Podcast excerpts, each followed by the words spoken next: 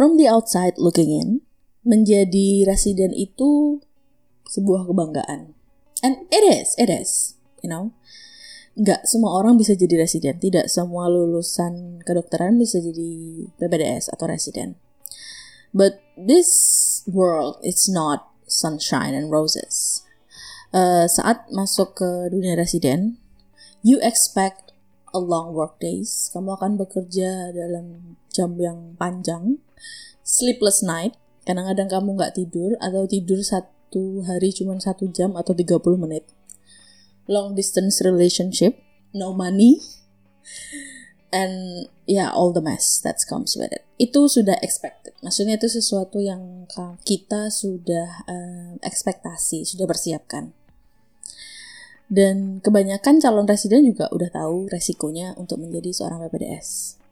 Unfortunately, banyak, terutama yang tidak dari universitas yang rumah sakitnya ada PPDS-nya ya. Jadi universitas kedokteran di mana mereka mengirim DM-DM-nya dokter muda ke rumah sakit yang di mana rumah sakit itu tidak digunakan sebagai rumah sakit pendidikan untuk para residen.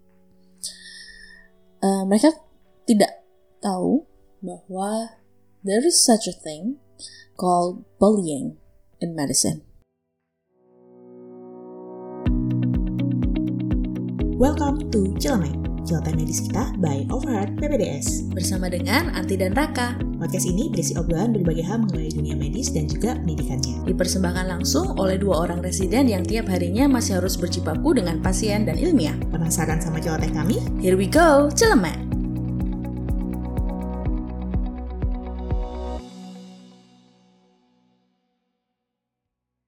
Pertama kali, uh, bullying in medicine itu dicetuskan oleh Henry K. Silver di sebuah studi tahun 1990 pas aku lahir. Which is uh, 46,4% dari medical school student itu pernah have been abused uh, at some point dan pada saat mereka sudah senior pada saat tahun terakhir, angka itu naik menjadi 80,6 persen.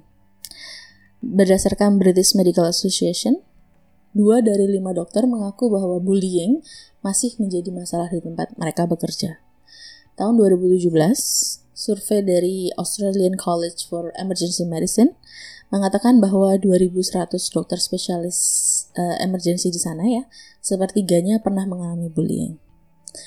So, Bullying in medicine happens everywhere, nggak cuma di Indonesia aja, tapi di luar negeri juga. But let's not get ahead of yourself.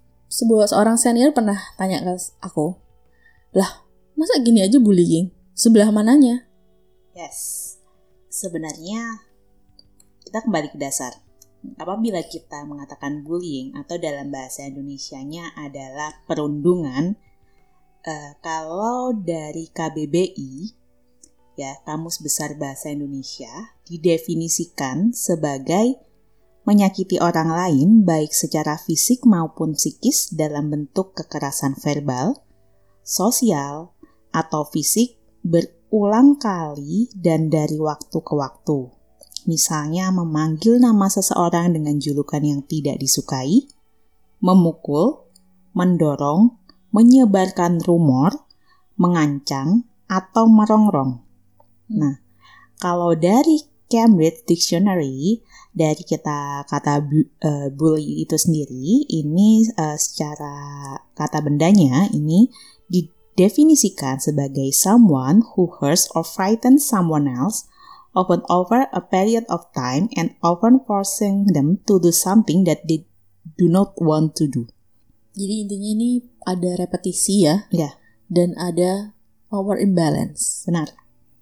Jadi ya memang disebutkan adalah dia lakukan dilakukan berulang kali pada periode tertentu dan salah satu di antaranya biasanya si pelaku bullying dia lebih superior.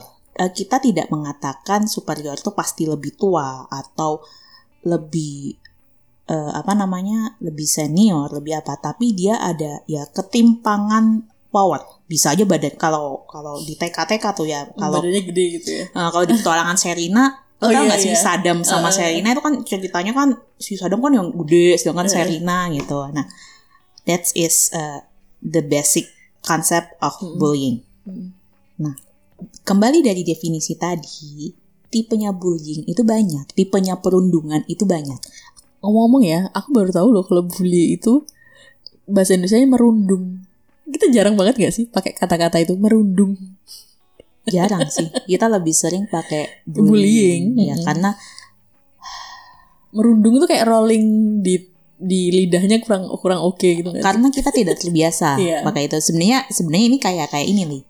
Galau. Oh ya. Kita pernah Dulu, bahas ini kan. mm. Dulu galau itu adalah sebuah kata yang sangat kompleks Iya. gitu ya. Sekarang lu bosan aja lu bisa ngomong, aduh gue galau mau pilih ini atau Iya. ini ya elah bro. Oke, back to bullying. Back to Types bullying. Nah, ya. bullying. Tipe-tipenya bullying apa aja? Satu, verbal abuse. Eh, jadi singkatnya ngatain, Ya. ngatain orang gitu Ah, ya. lu bego ah. Lu bego, lu gendut and everything ya. Iya. Itu ngatain. Iya. Lalu intimidasi. Contohnya, awas loh. Kalau lo ngomong ke orang tua lo, Aku tuh awas kalau lo laporin ke guru kalau Oh, iya, gitu, iya. gitu ya. Awas kalau lo lapor ke senior. That's it, intimidasi.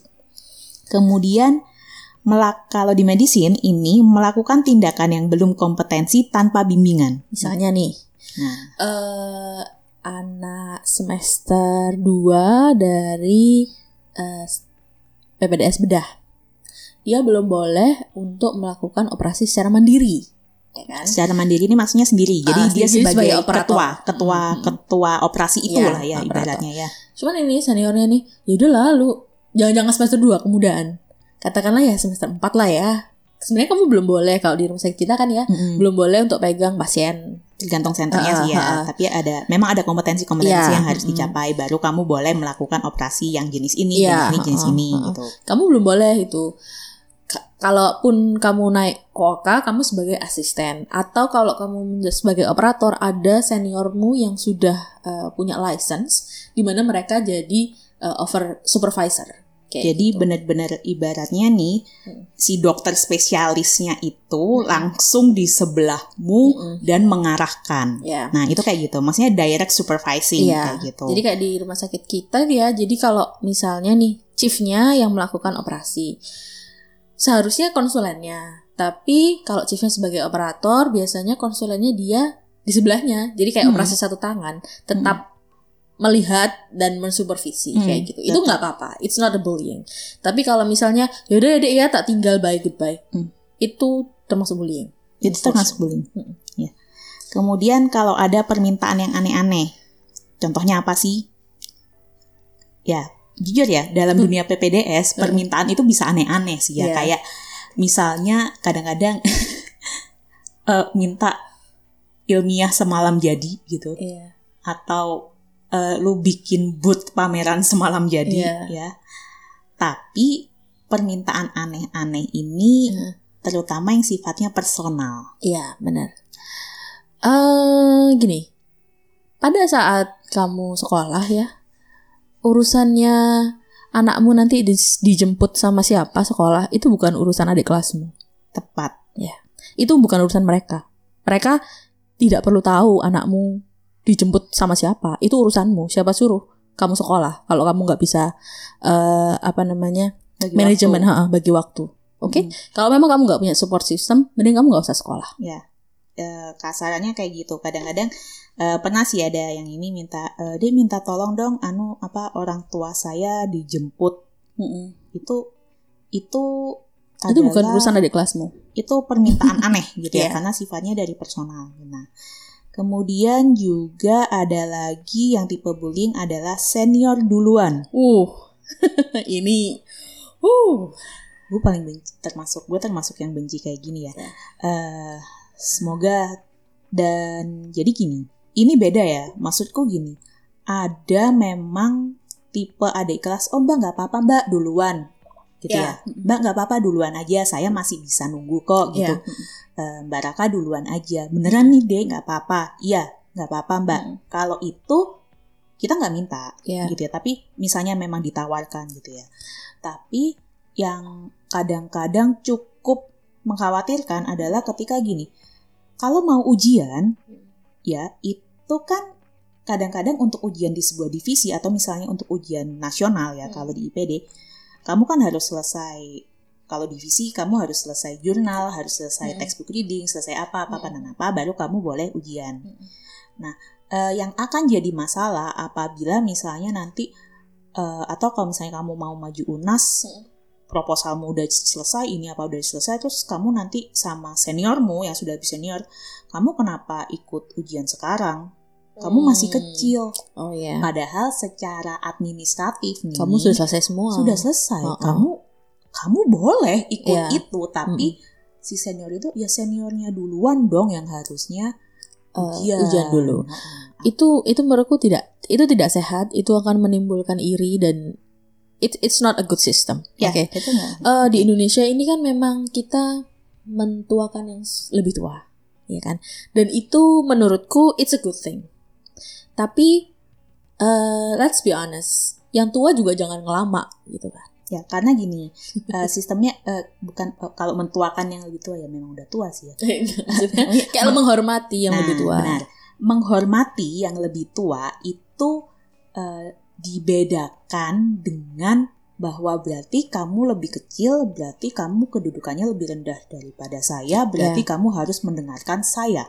Mm-mm. Karena saya yang berkuasa. That's no. ya. That's bullying. Kalau misalnya diturunkan dari atas ke bawah bahwa kalau kamu ada di sebuah acara, seniormu semua harus makan dulu baru kamu boleh makan. Itu menurutku tidak masuk akal. Ya, And it happened. Oke, and dan itu sistem yang tidak baik. Karena gini, pada saat kamu melakukan membuat itu sebagai peraturan, meskipun itu tidak tertulis ya, tapi itu kamu operkan istilahnya, kamu operkan ke juniormu. Pada saat kamu melakukan itu, itu kan berarti peraturan meskipun tidak tertulis, peraturan itu pasti ada hukumannya, ya kan? Hukumannya bisa macam-macam. Hukuman itu nggak nggak harus hukuman fisik, nggak. Bisa juga kamu diomongin sama semua orang, ya kan? Kamu Digibahin. dicap, maaf, dicap nggak sopan. Padahal ya lu lapar men, tapi lu, eh, lu habis kerja mm, di acara acara ilmiah, lu kerja, lu paling kecil, lu pasti kerjaannya paling banyak, ya. ya kan? Ya gue pengen makan, terus nggak boleh karena seniorku nggak makan. dan eh, dan uh, for your information ya eh, kalau lu kan seniornya kita di sini tidak ngomongin senior yang konsulen ya Ha, karena ha, ha. tempat makan konsulen Oh ya itu beda, itu, itu beda Hmm, itu dia hmm. masuk ke VIP dan Ya, siapa pun tidak ada Iya, berani- iya, tidak iya. ada yang berani ke sana kecuali Hmm. kalau kalau sudah acara Uh, uh, uh, selesai uh, di uh. sana makanannya masih banyak baru, baru deh kita. ha, ha. senior apa konsulen-konsulen Iya. kita sudah kembali semua Hmm. baru kita kadang-kadang eh, rapat sekalian eh, nyemilin di situ Hmm. Eh, dan bedakan juga antara senior first yang unggah-ungguh Ya. sama yang eh yaitu yang kayak aturan Mm-mm. kayak gitu. Terus gini, aku juga cukup sadar kok bahwa oke, memang kita harus menghormati yang lebih tua. Cuman pada saat kamu membuat itu sebuah peraturan, Itu game changer sih. ya itu dinamiknya akan berbeda. Ya. Ya kan? Kamu tidak bisa bilang ini kan supaya kita untuk latihanmu untuk menghormati orang. Let's be honest, kita menjadi seorang presiden itu pada saat usia 25 tahun ke atas. Ya. Kamu ikut akselerasi pun pasti kamu di atas 20 tahun. Pada saat itu otakmu sudah berhenti berkembang. Ya, kamu mau memasukkan eh, basic em, apa ya unggah-ungguh basic mentality itu kamu sudah terlambat 20 tahun ya, kan kamu sudah terlambat itu itu pekerjaannya orang tua Mengingatkan boleh sih, ya tapi mengingatkan boleh mengingatkan tapi boleh, kalau kamu tapi bilang ini aku mau mendidik kamu no Ah. no no no no you're not doing that as an educator kamu melakukan itu sebagai tirani let's be Ya. honest Oke. Kemudian itu perkara senior first boy ya. Eh, kepada para senior saya mohon izin jangan tersinggung. Eh tapi gue nggak pernah sih diginiin sama senior. nggak ada kalau menurutku ya eh, oh ini seharusnya sebelum kita ngomong ini harus ada disclaimer selama ini Hmm. selama aku pernah aku di yang ke dalam Mm-mm. menurutku eh, dinamiknya bagus ke yeah ke konsulen aku bisa eh, diskusi bisa bertanya dengan bebas, dok ini bagaimana, tanpa harus merasa takut di Senggerang. uh, senggerang di judge. Memang ada beberapa konsulen yang lebih strict ya, yang yang memang lebih segala gitu ya. Tapi mereka pun bisa diajak ngobrol, bisa diajak dok ini bagaimana ya. Kalau memang aku perlu bantuan, aku telepon ya tinggal Ya. telepon, tinggal tanya. Tentu aja ada caranya ya, tetap aja Hmm. unggah-ungguh ini ini ini Indonesia gitu ya. Hmm. Cuman enak gitu kalau diajak ngobrol. Tidak. Sama sama senior pun chief-chiefku selama ini they're all great. Maksudnya mereka memberikan solusi. Kalau misalnya aku nggak ngerti nih pasiennya sudah sudah nggak ada nggak bisa mikir mas ini mau diapakan mas Iya. pasiennya mas Iya. mereka memberikan solusi oke oke santai mereka it's it's good it's great I mean, Ibaratnya iya ibaratnya eh, jujur kalau untuk di prodi kita ya, Ya. alhamdulillah situasinya ini kondusif. iya Tapi apakah berarti prodi kita 100% without bullying itu akan kita Enggak, bicarakan iya. nanti. Ya.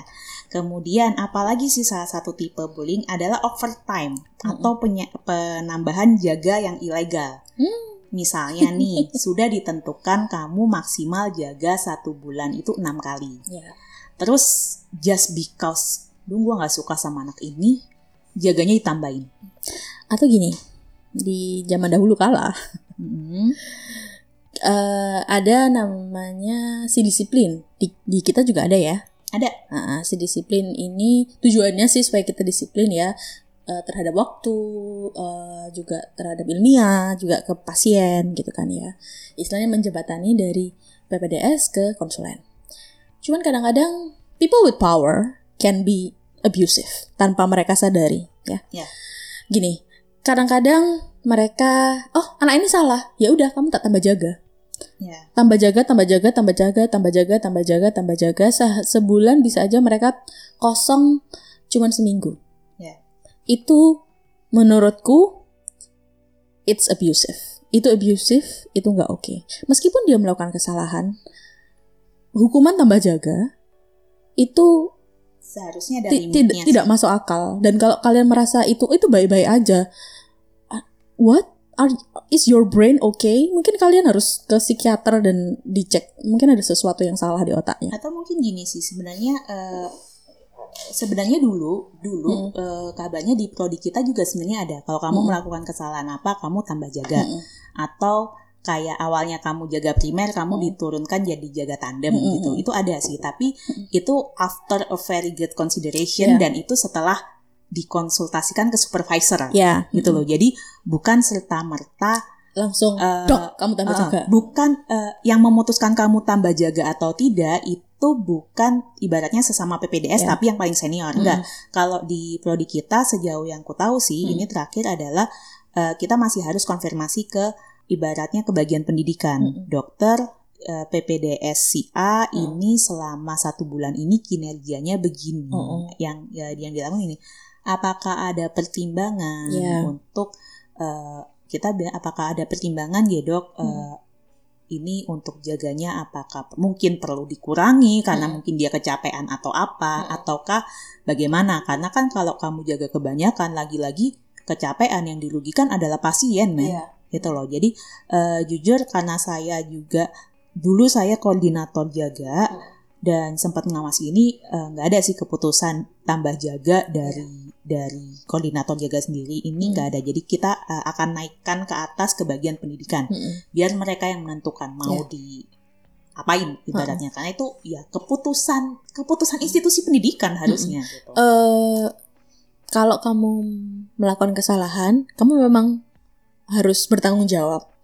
Bisa berubah hukuman atau yang lain ya. surat peringatan uh, surat atau peringatan apa, atau gitu apa. banyak. Cuman pada saat kamu melakukan, ya udah, lu tambah jaga aja. Se Seenak itu. tanpa mempertimbangkan Uh, uh, bahwa tanpa anak ini uh, uh. anak ini sangat overtime atau Uh, uh. apa itu Itu itu membahayakan Eh, tidak se- eh, secara fisik dan mental itu Ya. membahayakan tidak cuma ke PPDS-nya saja tapi juga ke pasien yes. dan itu apabila dilanjutkan akan menjadi budaya yang cukup tidak sehat Mm-mm. ya kemudian Financial. alhamdulillah financial bullying gak tahu sih itu bener nggak sih yang kabar ada PPDS yang dia berhasil melewati sampai dia lulus Uh-uh. SPP-nya dibayarin sama juniornya Well, I'm not saying that it's not true, but I am not saying that it's not not true. Jadi eh, ada sebuah kabar yang sangat santer gitu ya. Eh, ibaratnya gini loh, saking dibulinya Mm-mm. gitu ya. Itu si senior itu sampai bisa lulus Mm-mm. seluruh spesialis dengan duit SPP dari adik kelasnya. Jadi eh, kadang-kadang tuh kayak Hah? awalnya itu kayak berasal dari Hmm. Dek, aku nggak sempet ini titip dong bayar SPP gitu Ya, ya. terus nggak dibayar. Tapi gak dibalikin Mm-mm. duitnya. Mm-mm. Itu aku jadi mikir, lu dulu dibesarinnya kayak gimana sih sama orang tua? Orang tuanya salah apa sih? salah apa? Salah asuhan sebelah mana sampai kamu bisa berpikir bahwa hal itu tuh bahwa, sense. bahwa, bahwa kamu punya Bahwa- tips dan iya. trik kayak gitu kayak- itu what what happened? itu kamu baca dari mana dapat Heeh. wangsit dari mana gitu Heeh, ya Maksudnya itu kan itu kan sudah sudah kayak salah asuhan dari kecil gak sih? Itu menurutku ya. Hmm. Itu ya bisa Iya kan? banyak eh, banyak hal sih emangnya eh, itu harusnya adalah nilai yang tertanam dari kecil Iya. sih ya tapi eh, kita tidak bisa memungkiri bahwa eh, kadang-kadang before after kamu masuk kedokteran itu bisa bisa berubah ya. atau misalnya kamu sebelum masuk ke masuk ke residensi kamu kerja dulu dunia kerja pun bisa merubahmu gitu Tapi intinya gini, kamu mau ngasih kado ke siapa? Kamu mau beli sepatu model apa? Kamu mau bayar SPP telat atau enggak? Itu bukan urusan adik kelasmu. Ya. Ya. Kalau gini, adik kelasmu lagi mau ke eh, bank, mau bayar. Eh, aku juga bawa nih pasienku lagi jelek, aku nitip dong buat bayarin. Tapi duitnya dikasih di depan. Itu nggak apa-apa. itu nitip itu Nah, nitip itu, nitip. beneran nitip Ah, gitu Itu benar nitip. Kamu Ah. tinggal kayak ini ini nimku ya ini anu. Aku juga waktu semester 1 Hmm. di IPD nih. Ya aku nitip waktu itu aku pasienku lagi Hmm. sedikit lagi lenggang. Pasiennya teman-temanku yang di seruangan sama aku lagi ribut. Ya udah sini apa namanya duitnya biar tak bayarin Ah, gitu. atau- itu namanya nitip men. Nah, atau mungkin kalau misalnya sudah dan kalau misalnya eh oke Hmm. dek aku lagi ini duitku tapi nggak ada cash Mm-mm. gitu bisa nggak aku transfer. eh, kamu Hmm. transfer aku transfer ya misalnya nggak langsung hari itu misalnya Mm-mm. besoknya aku Mm-mm. transfer atau si adik kelas ini di eh, ibaratnya nagih utang Mm-mm. itu boleh Ada yang bilang nggak boleh loh.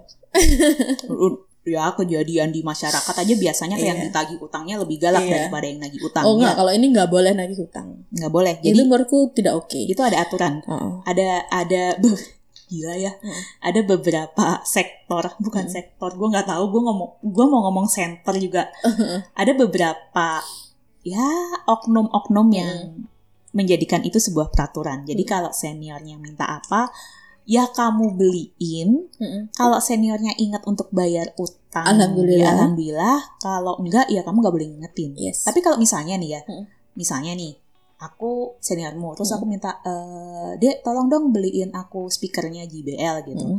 Kamu beliin ke aku, oh iya makasih ya nih, terus gue lupa.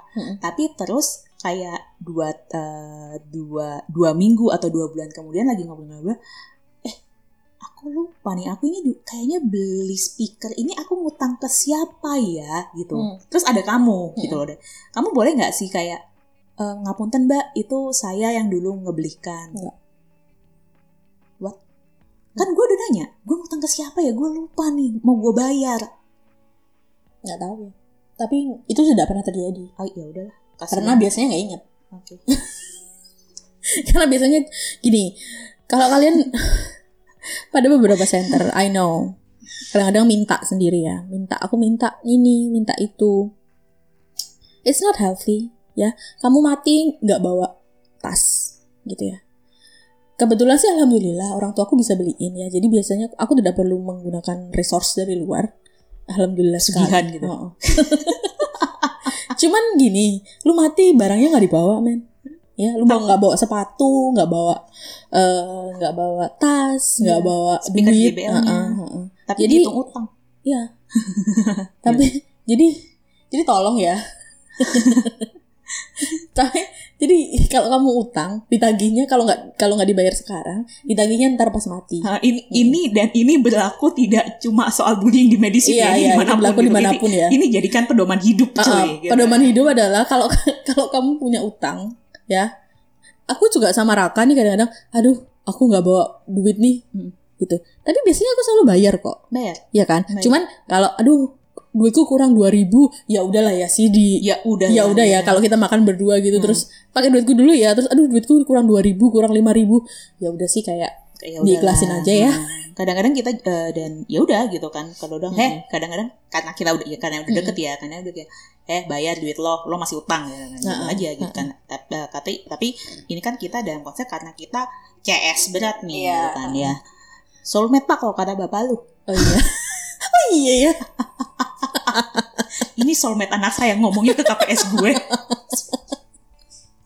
Oke, selain finansial ada lagi mungkin gue akan bahas physical abuse dulu ya. Uh-uh. Physical abuse, ah, dislupus up kali, nggak tahu sih gue. Tahu ya kalau ini rasanya belum ada sih Eh, di center kit, oh ada, gue oh ada oh iya iya kan? iya, Iya, iya, jadi iya, benar. ada sih. Ini jadi eh, yang gue ingat ada eh, dan gue juga kenal hmm, eh, korbannya. hmm. Jadi dia dimarahin sama seniornya terus ditampar. oh Yes, and that's true. Eh, kita tidak akan menyebutkan temen gue yang mana ke temen Mm-mm. gue banyak cuy Mm-mm. sorry gitu ya. oke temen gue banyak gitu ya Ya, tapi kami menyebutkan Hmm, physical abuse pun terjadi hmm, hmm. tapi kalau misalnya eh kalau tapi bedakan lo ya Mm. sama misalnya profesormu yang gemes sama kamu, aduh kamu ini nggak bisa bisa terus dicetoli iya iya iya. Itu lucu lah itu itu kesannya jadi lucu Uh, gitu. Ya uh, kesannya uh, jadi lucu. Tapi kalau aku bilang itu bullying sih enggak sih. Ya. Karena kan tidak repetisi cuma pas kamu itu doang. Iya. Cuman gini, eh, pas em, kalau misalnya nih kembali lagi ini, aku lupa nih verbal abuse ya. Kalau kamu dikatain, kadang-kadang ada beberapa konsulen Mm-mm. yang nggak di sini, Mm-mm. yang bukan di kita, mereka eh, komentar Mm-mm. di depan pasien, oh no Itu no, termasuk no, bullying. no, Jadi, no, no. merendahkan residennya yes I know di bawah di depan pasien itu termasuk bullying. Karena gini, bagaimanapun residennya bekerja sebagai seorang dokter. Kamu tidak boleh merendahkan siapa pun, dokter mana pun di depan pasien. Kalau memang kamu merasa oke ini salah, kamu keluar. Oke, kalau gitu kita keluar dulu. Baru di luar kamu bilang oke ini salah. Seharusnya kamu tidak melakukan ini bla bla bla bla bla. It, it doesn't uh, it's okay. Tapi kalau gini, semua orang siapa sih yang suka dimarahin di depan orang lain? Nggak Nggak ada kan? nggak Ya udah, kalau kamu nggak suka dimarahin di depan orang lain ya. kalau Ya, enggak kalau kamu diskusi di depan pasien sih bisa ya jadi kadang-kadang ketika kita bed visit gitu Mm-mm. menurutmu pasien kenapa Ya. ininya di mana? Ya, Oke, nggak ini apa-apa. bilangnya nggak apa-apa, tapi uh, telling that kamu ini kok maaf, kamu kok bodoh sih gini aja nggak bisa. Ya. No, that's no. it's it's a no. Oke, Mm-mm. terakhir uh, salah satu yang cukup berat, tapi ya terjadi mungkin. I don't know. Sexual harassment. Pelecehan seksual. Ya. Pelecehan seksual ini bisa macam-macam bentuknya ya. Nggak cuman lu dipegang-pegang aja, Ya, ya kan? Tidak tidak se tidak melulu fisik Mm-mm. ibaratnya Mm-mm. kan, tapi bisa juga emotional or Omong. verbal, Mm. omongan, catcalling, Mm-mm. and everything itu termasuk Um, dalam Ya. hitungan sih. Terutama sih em, cowok ya. Mungkin mungkin yang sering menjadi eh, sasaran adalah yang cewek, yang selain sering melakukan adalah yang cowok. Tapi ini 2020 yang cowok pun bisa kena eh, sexual harassment. Ya, yang cowok yang cewek pun bisa, Bisa melakukan, melakukan. sexual harassment.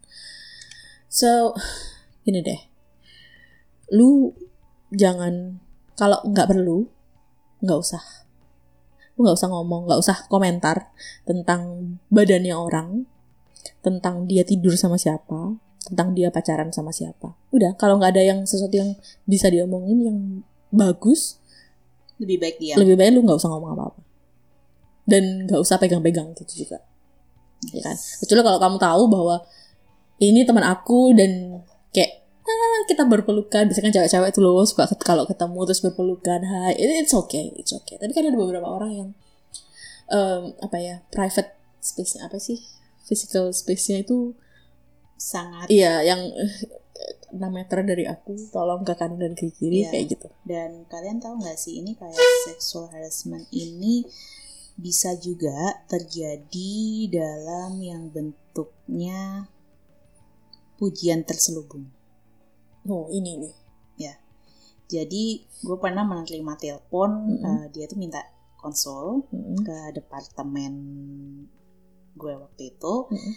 dan dia gini Raka ayo dong Raka. Raka kan cantik. Raka kamu manis. Ayo dong. Iya. bisa dong kayak gini dicepetin. Ya Raka kan cantik banget. Ini itu? Heeh.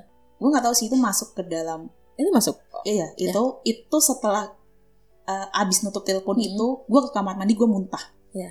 Selama yang orang di seberang sana tidak tidak appreciate dengan dengan apa ya advances yang kamu lakukan itu termasuk sexual harassment udah deh lu kalau mau PDKT PDKT aja ya kan dengan dengan dengan niat yang baik gitu loh ya jadi ya karena berbeda kalau misalnya eh, maksudnya beda ya kalau misalnya eh, kit- ki- eh, pujian gitu Mm. dia akan eh, wah kak cantik Mm-mm. wah kak lu cantik deh pakai bros itu gitu Iya. udah terus udah kelar gitu Iya. kagak ada yang dong kak lu kan Uh, uh, uh. gini." dan oh iya dan gue inget apa yang apa yang sampai bikin gue muntah dia Apa? ngomong gini Hah?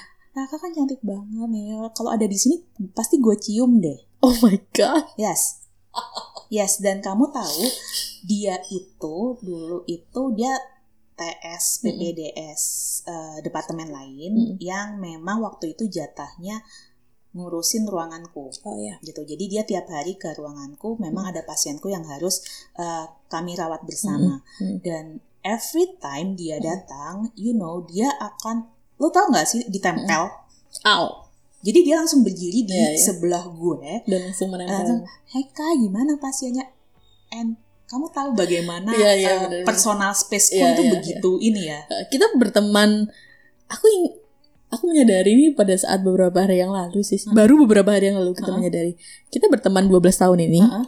kita hampir tidak pernah berpelukan Ya, ya nggak sih Iya, iya, nggak ada. Eh, eh, jadi kalau kalian misalnya menyangka kalau gue Heeh. ketemu sama Anti kayak yang di video-video tuh eh, kayak Kia. gitu, enggak ada. enggak gitu kan yo Oh, what's up iya, what's up, gitu.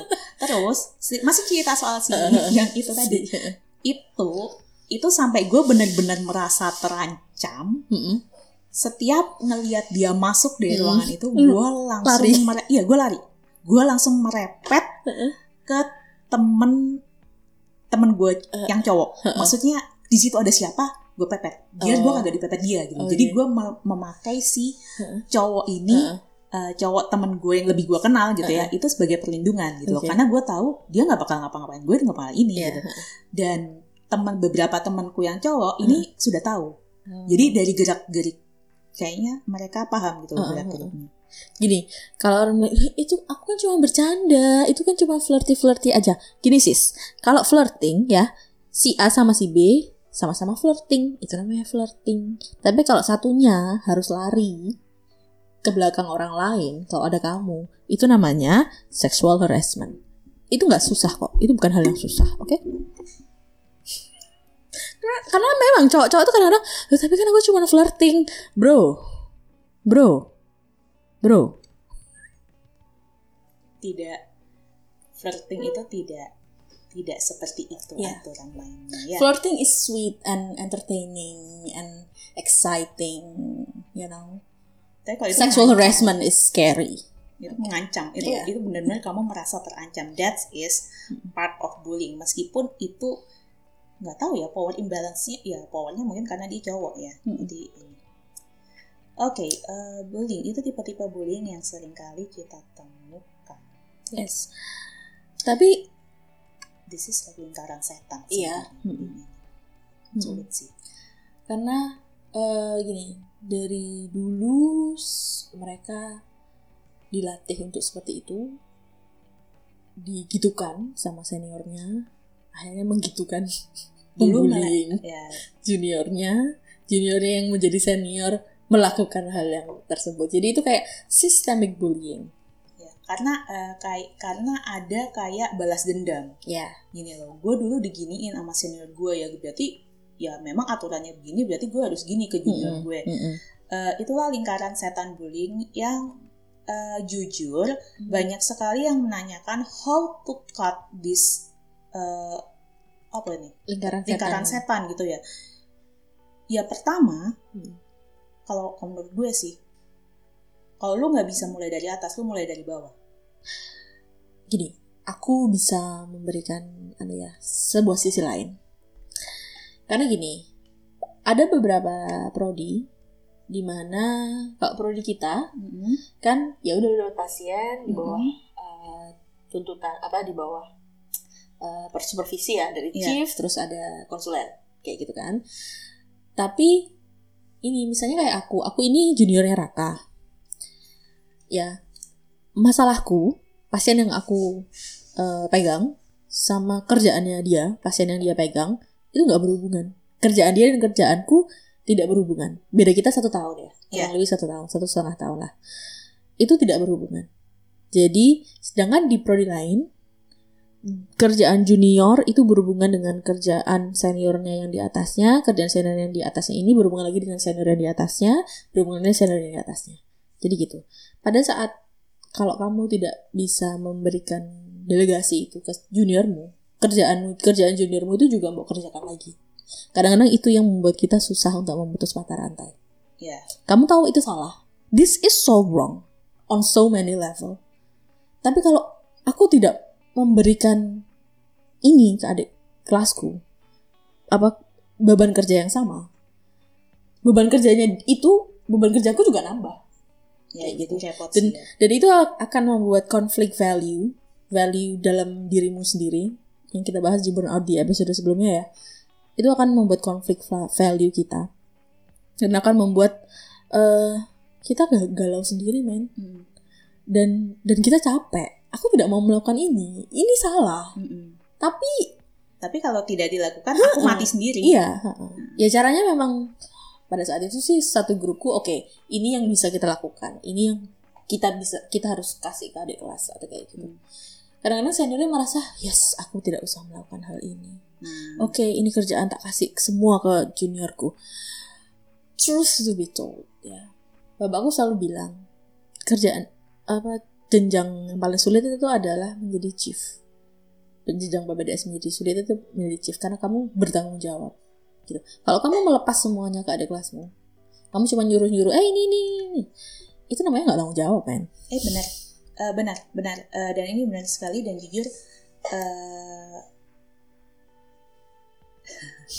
kayaknya mungkin setelah podcast ini diunggah, Mm-mm. I have, well, I have to prepare with everything. We have to prepare Yeah. with everything gitu ya. Dan Mm-mm. eh, ketika gue dan Ati memutuskan, oke kita akan bahas bullying, Mm-mm. eh, kita paham sesadar-sadarnya bahwa ini udah blowbacknya nih pasti akan ada yang entah itu merasa tersinggung, merasa ini tidak seharusnya naik Mm-mm. dan apa, and well no, it it really should ini harus dan kalau ibaratnya setelah Anda mendengarkan podcast ini dan Anda mau protes, Mm-mm. overhead PPDS selalu open dengan segala macam feedback, mau itu positif, negatif, ataupun kalau misalnya yang mendengarkan ini adalah senior gue sendiri dan mau memanggil gue satu one on one, it's okay, ya it's okay karena eh, ini eh, ya gue juga gak gak, gak specifically ini ya nyinggung orang sih ya, Iya. tapi ya ini memang yang terjadi gitu kan Mm. ya. Eh, lalu eh, ya itu dan kembali lagi ke chief ya. Mm. Nah, gue tidak mengatakan bahwa chief itu eh, menurutku aku pribadi setuju sih sama ayahmu ya. Hmm. Karena chief itu bebannya paling berat, dia harus eh, bertanggung jawab atas semuanya. Hmm. Eh, di mana kalau dia bertanggung jawab atas semuanya, maksudnya itu gini loh. Mungkin secara pekerjaan tangan, Mm-mm. ibaratnya yang angkat-angkat, yang Hmm. harus ini, itu kamu lebih ringan, ya ya kan? Hmm. Memang lebih ringan karena Mm-mm. eh, chief itu sifatnya udah seperti supa- eh, Supervisor. supervisi Mm-mm. gitu ya karena memang dilatih supervisi gitu Mm-mm. untuk dia diajarkan untuk pendelegasian bertanggung jawab Mm-mm. dan ibaratnya otaknya Mm-mm. kalau bawa-bawahanmu itu eh, melakukan kesalahan, Mm-mm. otomatis yang dicari pasti pasti chiefnya. Iya. Nah, di sinilah integritas orang chief itu akan eh, di di ini ya diuji. Iya. Kalau kamu berargumen, iya dok, pada pasien ini tadi malam kami dapatkan begini-begini karena itu Hmm. kami putuskan dilakukan A, B, C, D, E ini. Hmm. Kemudian supervisor kamu mengatakan, enggak, kamu salah gini-gini. Kamu akan merefleksi itu. Mm-mm.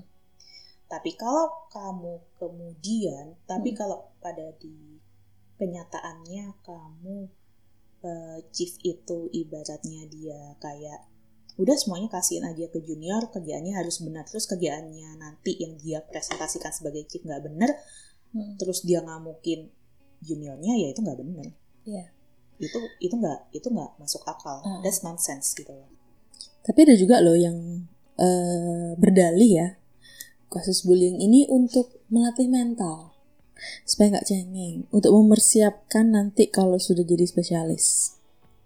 ini sebenarnya udah dari kayak zaman ospek masuk FK nggak sih dan sebenarnya ini itu kayak ospek dari zaman kamu masuk SMP Ya, Eh, dulu waktu SMP aku nggak ada gituan sih. Eh, aku ada sih Oh, ya ya? bu- bukan bullying yang Hmm. ya tapi ada kayak eh, apa eh, figur-figur senior marah iya, iya, yang iya. ini kalian ini gimana sih ini ini ini terus juga masuk SMA itu juga ada figur-figur Ya, senior yang mm-mm. yang ibaratnya ya kayak komisi disiplin gitu loh Iya, ini mm-mm, mm-mm. Nah, terus pas masuk FK tuh Wah. kan ya itu di Ya udahlah ya itulah. ya gitulah ya yang you have to survive yang katanya Mm-mm. adalah itu melatih mental mm-mm. Padahal gue mikir loh ya, padahal yang masuk dari ke FK itu Mm-mm. ada yang kayak dari golongnya SMA Taruna atau apa gitu ya. mm-mm. Itu dalam hati apa nggak pengen ngetawain kakak-kakak? Makanya, ya udah. maksudnya gini sih, itu jadi dokter memang kamu harus mentally strong ya. Ya, ya kan cuman tanpa digitukan menurutku eh dia kan kita kan menempa diri sendiri gitu gak sih karena gini kalau kamu memang nggak kuat pada akhirnya juga akan berguguran gitu oh iya benar. Jadi eh, sih? ibaratnya sebenarnya kalau masalah mentality ya, kalau menurutku juga kayak dan- dan beberapa yang kuliah di lapangan, pada endingnya if kalau kamu nggak bisa bertahan Mm. dengan uh, things Mm. yang harus dihadapi oleh seorang dokter, Mm. entah itu mulai pas DM atau pas apa, you will out. Iya. Eventually out. Eh, Iya. mungkin tidak benar-benar langsung out dapat enggak, mungkin eh, out terus dia apa memilih jenjang karir lainnya itu Iya. ada gitu loh. Mm-mm. Jadi ya sebenarnya sih seleksi alam sih kalau Iya. mental jadi dokter itu. Oh. dan itu nggak berarti oh orang itu eh, nggak kuat atau gimana bukan ya memang nggak cocok aja memang bukan jalannya mau gimana lagi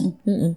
Karena eh, masalahnya gini loh ya, tidak mudah loh ya menghadapi kayak kita pas KIE kemarin ya, pas eh, episode KIE kemarin menghadapi eh, satu eh, pasien dalam kondisi kritis Iya. gitu. Kita di mana kita harus tetap tegap, kayak kondisi kritis keluarga ibaratnya mohon-mohon ke kita. Mm-mm. Gimana kita ngasih berita jelek, kematian pasien yang biasanya di depan mata langsung. Mm-mm. That's not easy. ya That's not easy. Mm-mm. Eh, itu benar-benar eh, nggak gampang, Iya. susah tuh. eh tapi ini kita kayak kebalik gitu gak sih? Maksudnya gini, pada saat kamu harus peduli dengan seseorang, Mm-mm. peduli misalnya kamu memberikan support gitu ya, Ya. itu banyak orang yang mm, nggak nggak peduli, ya kan? Banyak senior yang itu bukan urusanku. Tapi pada saat bullying, pada saat kamu perlu, kamu bilang, oh ini aku berusaha melatih kok, melatih dia kok. Itu kebalik. Nah, seben- ya gini ya, gimana ya? Karena s- kita, aku tidak tahu di mana missnya karena Mm-mm. sebenarnya kalau ibaratnya zaman ppkn dulu kita selalu diajarkan tenggang rasa, ya. gotong royong, saling Mm-mm. eh, bantu membantu gitu Mm-mm. ya. Eh, ibaratnya lu bantu membantu saat ulangan gitu contekan kan gotong royong gitu ya. Tolong jangan ditiru yang model gini ya. Eh, dan eh, ini per eh, pergeseran maknanya di Iya. mana ini eh atau mungkin dari dulu ini aku ingat pelajaran PPKN kalau ke yang tua kita harus hormat, kalau ke yang muda kita harus sayang. Iya. Tapi nggak pernah dibilang kalau kita harus hormat juga ke orang yang lebih muda, Oh iya. ya kan? Jadi Ya. kadang-kadang itu ya ya udah, ya dia emang lebih muda kok dari aku, mau gimana lagi? Mm-mm. Ya memang udah itu jalannya gitu. Siapa suruh kamu lebih muda? That's so toxic. Oh mungkin mereka benar mereka mereka sayang kok ke kita Heeh. tough love gitu kan kagak diajarin Kayak sayangi gitu ya tapi tapi eh, gue tuh gak lu harus soft love gitu enggak kan Eh, love tough love gitu eh, ya. tough love kayak, gitu yang ya kayak di apa lagu-lagu rap gitu. yes gitu kan dan So, emang melatih mental biar bisa jaga 24 jam, biar bisa ini, biar bisa itu. Guys, no. Kalau sekarang gini deh, mari kita pikirkan kalau kamu aku masuk ke bedah ya. Ya, sebelum masuk bedah itu seharusnya setiap orang sebelum men- masuk menjadi PPDS, saya rasa itu adalah kewajiban semua orang untuk mencari tahu bagaimana prospek kerja ke depan. Bagaimana berapa banyak jam kerjanya, apa yang harus aku lakukan, resiko pekerjaannya apa, eh lingkungan iya, sosialnya lingkungan seperti, sosial apa. seperti apa, itu semua harus dipertimbangkan. Ya harus. Gitu. Eh, karena lain center pun bisa beda Iya, berbeda heeh. bisa beda ini loh bisa beda culture loh. Ya Eh, eh, nggak cuma masa pendidikan tapi setelah pendidikan itu kayak gimana?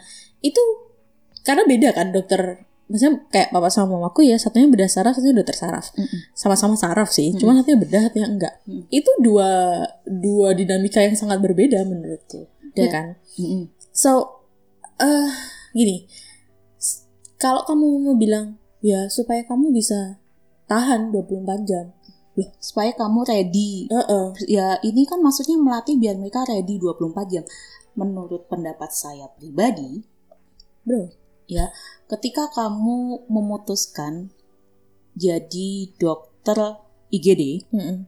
itu lu menurut gue lu tetap harus ready 24 jam sih Iya. karena kadang-kadang shit happen di IGD dan mungkin lu dipanggil Mm-mm. meskipun itu jarang juga sih kedua ketika kamu masuk PPDS itu udah ibaratnya eh, mohon maaf ya Mm-mm. kenyataannya tapi lu mana yang harus lu priorita, eh, mana prioritasmu keluarga atau PPDS jawabannya adalah sesungguhnya PPDS yes benar.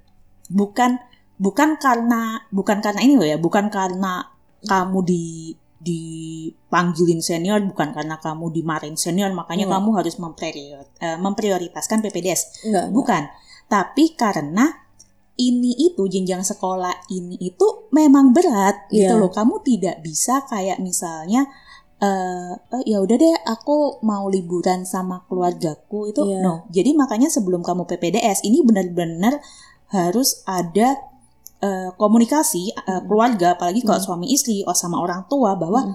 ma aku eh, ma eh, sayang atau apalah aku akan sekolah lagi PPDS dan Hmm. PPDS saya misalnya misalnya eh, aku gitu ya ya Hmm. enggak gue ngomongnya ke orang tua gue sih ya mereka kagak komen masalahnya Hmm. kita misalnya ya eh, PP saya mau masuk ke PPDS bedah nih ma PPDS bedah itu kerjanya awal tahun kayak gini-gini Hmm. Eh, ini penuh banget mungkin papa jadi nggak bisa pulang tiap Hmm. hari mungkin begini Eh, kemudian nanti di tahun kedua jadi gini itu harus dibicarakan gitu Iya. loh jangan sa karena ya lebih daripada sisi bullyingnya ya Mm-mm. ya memang beberapa center yang sampai menyatakan harus ada surat kesediaan Iya. bahwa surat persetujuan orang tua dan ini Eh, untuk jadi pasangan ya. PPDS ya karena re- itu resiko. Ya ya. Itu adalah resiko pekerjaan. Kalau itu menurutku adalah sebuah resiko pekerjaan. Ya Kita tidak bullying tidak ya, bisa apa ya